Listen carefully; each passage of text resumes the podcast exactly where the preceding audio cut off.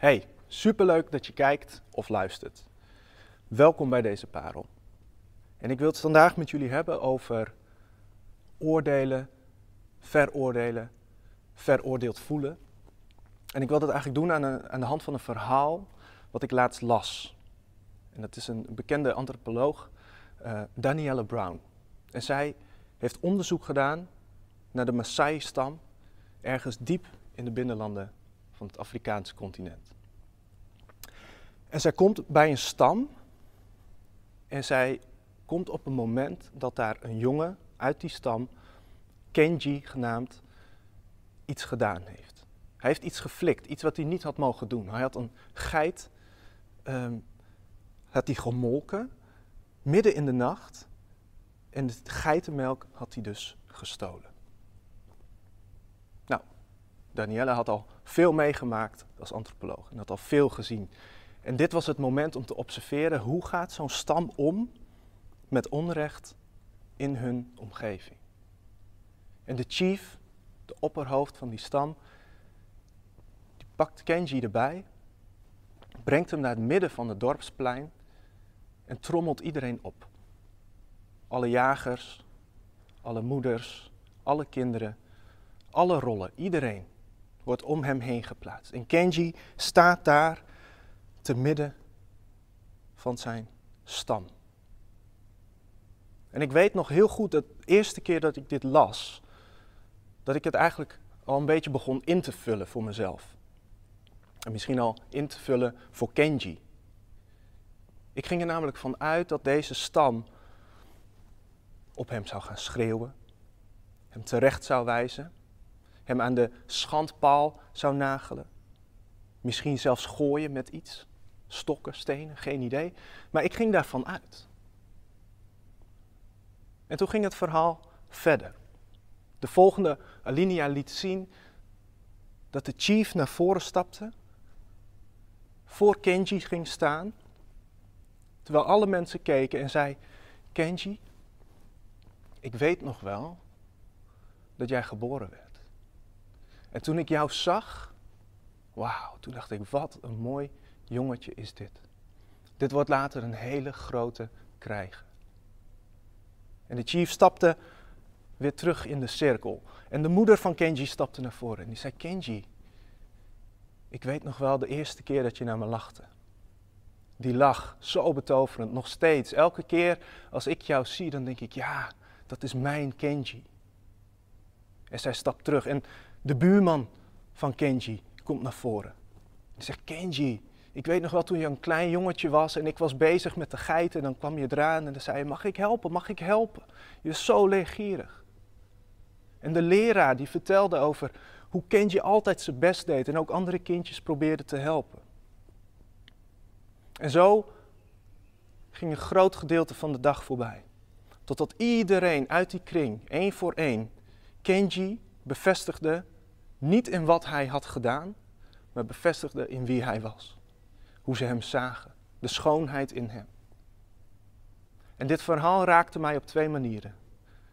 Aan de ene kant omdat het zo'n mooi voorbeeld is van hoe we als mensen met elkaar om zouden kunnen gaan. En hoe mooi dat er een stam is, nog steeds, waarin dit plaatsvindt. Maar het raakte mij ook omdat ik, voordat ik deze alinea las, er eigenlijk vanuit ging dat ze hem zouden veroordelen. Dat ze hem terecht zouden wijzen. Dat ze hem kapot zouden maken om datgene wat hij had gedaan. En eventjes voelde ik mij als een fariseeër. Die vaak door Jezus terecht werden gewezen als veroordelers, hypocriet. Het voelde alsof Jezus bij mij een streep in het zand zette en zei: Joh, als jij zonder zonde bent, gooi dan de eerste steen. En ik schrok ervan dat ik het zo normaal vond. Dat wat eigenlijk mijn projectie was op Kenji, hoe ik vond of hoe ik dacht dat ze op hem zouden reageren, dat dat eigenlijk de wereld is waarin wij leven.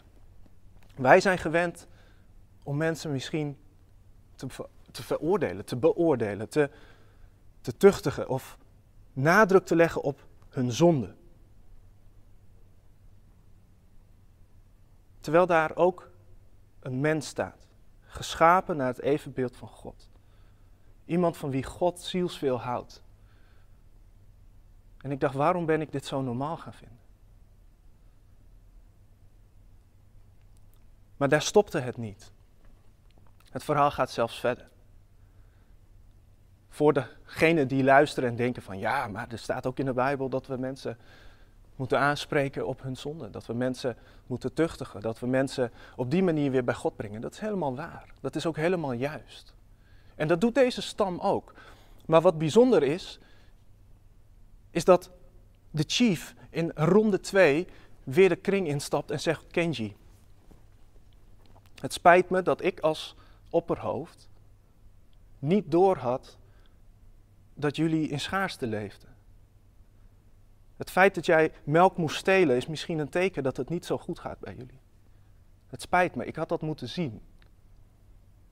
En hoe kunnen wij ervoor zorgen dat het niet weer gebeurt? En er stapte iemand anders uit de kring. Zijn eigen vader. En die zei, ik was, ik was bezig met hele andere dingen. Jij hebt een bepaalde verantwoordelijkheid genomen en jij hebt gedaan wat je dacht dat de enige optie was. Maar ik had jou eigenlijk al veel eerder moeten leren dat het anders had moeten zijn.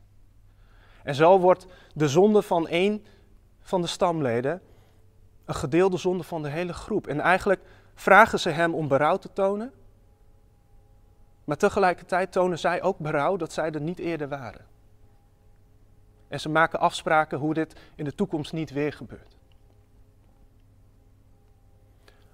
Als ik in de Bijbel lees, dan lees ik verhalen waarin Jezus strepen zet in het zand. Waarin hij tegen mensen zegt: oordeel niet. En tegelijkertijd helpt hij ook mensen door te zeggen om niet meer te zondigen. Maar hij geeft daar altijd iets voor in de plaats. Hij geeft daar altijd iets voor terug. En dat is ze herstellen in hun identiteit.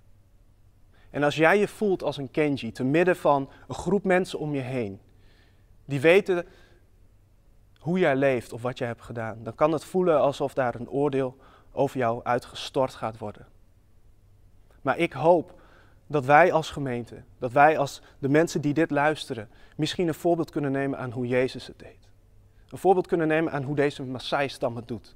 Eerst zeggen, jij bent veel meer dan wat je hebt gedaan.